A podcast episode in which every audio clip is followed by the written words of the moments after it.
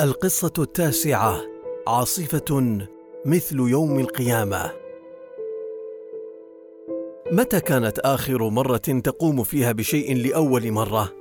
كان هذا سؤالا لأحد الإعلانات الخاصة بشركة طيران الإمارات.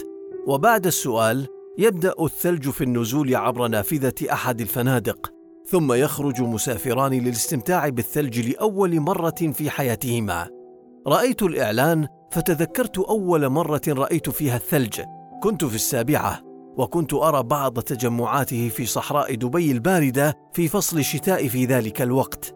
أذكر وأنا في العاشرة من عمري حديث كبار السن ممن شهدوا زمن جد الشيخ سعيد عن تغير البحر وأحواله وعن عودة الصيادين بقصص من البحر لا تحدث عندنا وعن مجيء أسماك غريبة من أعماق البحر للشاطئ. وعن انتشار الطحالب في مناطق لا تناسب معيشتها وتحليق طيور النورس في سماء دبي بصورة غير مسبوقة وغير مفهومة. تحدث كبار السن عن طائر الحبارة وأرنب الصحراء وتغير بعض عاداتهما وتحدثوا عن صخب الرياح وهياجها بغير ما تعودنا عليه وتحدثوا عن علامات وإشارات بهبوب عاصفة عاتية شديدة على دبي. قالوا بأنها ستكون مثل يوم القيامة. لكنني كنت أراقب هدوء البحر وزرقته وصفائه فلا ألتفت كثيرا لكلامهم. كنت أغط في نومي في غرفتي بالبيت في ليلة الثامنة من إبريل عام 1961 عندما أحسست بضجة كبيرة مفاجئة اشتدت على أثرها ضربات قلبي بتسارع كبير لأجد سريري في وسط عاصفة والنوافذ تغلق وتفتح بقوة كأنها تريد أن تطير من شدة الرياح في جميع أنحاء البيت الكبير. سمعت صوت والدي يصيح بقوة حمدان! محمد! أيديكما! قفزت وركضت باتجاه الصوت ثم سمعت صوت حمدان محمد! أحضر فرشتك! نريد أن نسد الباب! ركضنا جميعا. تدافعت أمي وأخواتي بحثا عن إيه ألواح. لنضع كل ثقلها على الأبواب لمنع الرياح من تكسيرها وتدمير كل ما بدا لي في ذلك الوقت نهاية العالم من حولي. كانت بداية ليلة طويلة لن تنتهي. بدأ الناس بعدها بالوصول افواجا للقصر فزعين للشيخ راشد مستنجدين به. كنا نفتح لهم الباب بالقدر الذي يسمح لهم بالدخول فقط من شدة الريح التي كانت ترمي كل شيء أمامها. وكلما صفق الباب اهتز ما تبقى من سكينة في نفوسنا. كانت ريحا مخيفة عاصفة كما أخبرنا كبار السن كأنها يوم القيامة. بدأ الناس بالوصول فرادا وجماعات يحملون معهم قصصا أليمة ودموعا كثيرة. ما زلت أذكر منظر والدتي وهي تطمئن امرأة ترتعش من الخوف ولا تقدر على الكلام. مزقت أخواتي وأمي شراشف البيت لمداواة بعض المصابين الذين التجأوا إلينا.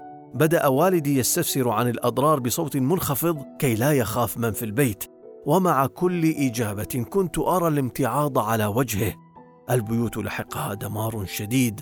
أشجار النخيل طارت في الهواء مثل ألعاب الصبيان. زوارق وقوارب الصيد قذفتها الريح في شوارع بعيدة داخل المدينة. كان هناك قتلى وجرحى. لم ينتظر والدي سماع كل التفاصيل. خلال دقائق قسم الرجال إلى مجموعات. وأسند إليهم مهماتهم. فكانت على الفرقة الأولى أن تنقل الأدوية واللوازم الطبية بأي وسيلة. ولا بد من العمل على تخزينها لأننا سنحتاجها قريبا. كان هناك الكثير من الجرحى في المستشفى ثم وصلت الأنباء التي جعلت والدي يتجمد في مكانه. فقد اندفع عدد من الجنود البريطانيين مجتازين الباب وهم بالكاد يستطيعون التقاط أنفاسهم. سموك دارا سفينة دارا يا سيدي ثمة حريق في دار سموك عندها بدا وكأن العالم قد توقف عن الدوران. كانت دارا إم في دارا سفينة تابعة لشركة ملاحة بريطانية وعلى مدى ثلاثة عشر عاما كانت السفينة تنقل الركاب والبضائع من مومباي وموانئ الخليج وعند هبوب العاصفة حدث انفجار قوي في أسفلها تبعه حريق ضخم. وكان على متنها وقت وقوع حادث الغرق أكثر من 800 راكب. قال الجنود إن الكثيرين قتلوا جراء ما حدث لكن المفجع أن الموت لم يتوقف بعد فهناك المزيد من الركاب الذين كانوا يلقون حتفهم كل دقيقة بسبب تدافعهم أو غرقهم في المياه الهائجة. كانت قوارب النجاة تتقلب وسط البحر لأن حمولتها أكثر من طاقتها وما زالت الرياح تعبث بتلك القوارب وتطيح بها يمنة ويسرى. جمعنا أبناء عمي وعددا كبيرا من سكان دبي في بيتنا. أرسل والدي جميع أفراد الأسرة بلا استثناء مع قوارب النجاة لإنقاذ من يمكن إنقاذهم. أنقذنا قرابة 500 شخص في تلك الليلة التي بدا لي أنها لن تنتهي. استمر هذا الوضع المربك لبضعة أيام. لم يعرف والدي فيها طعم النوم أبدا. ومع أن الرياح هدأت إلا أن تداعياتها السيئة لم تتوقف وظلت تخيم كسحابة ثقيلة الوطء في دبي لأسابيع حصيلة الضحايا كانت مهولة ولم يسلم أي بيت من الخسائر وتم تحويل المباني الفارغة إلى بيوت بديلة وملاجئ وما زلت أذكر بكثير من الألم مشهد النساء اللواتي ترملن بسبب العاصفة وهن يتدافعن عبر أبوابنا المفتوحة طلبا للعون والمساعدة. ولم يكن لوالدي ووالدتي إلا أن يقدما كل ما لديهما لأجلهن.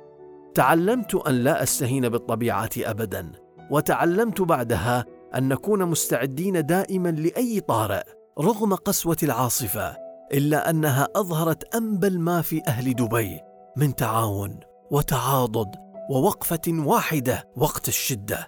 وعلى الرغم من كثرة الخسائر إلا أنني تعلمت كيف يدير القائد أزمة مفاجئة وأكثر شيء استوقفني وما زال أن أبي بدأ بنا نحن أبناؤه وأبناء عمي لإرسالنا لإنقاذ الغرقى في البحر الهائج قبل أن يرسل أحدا من عموم الناس. حقا إن الأزمات تظهر معادن الرجال.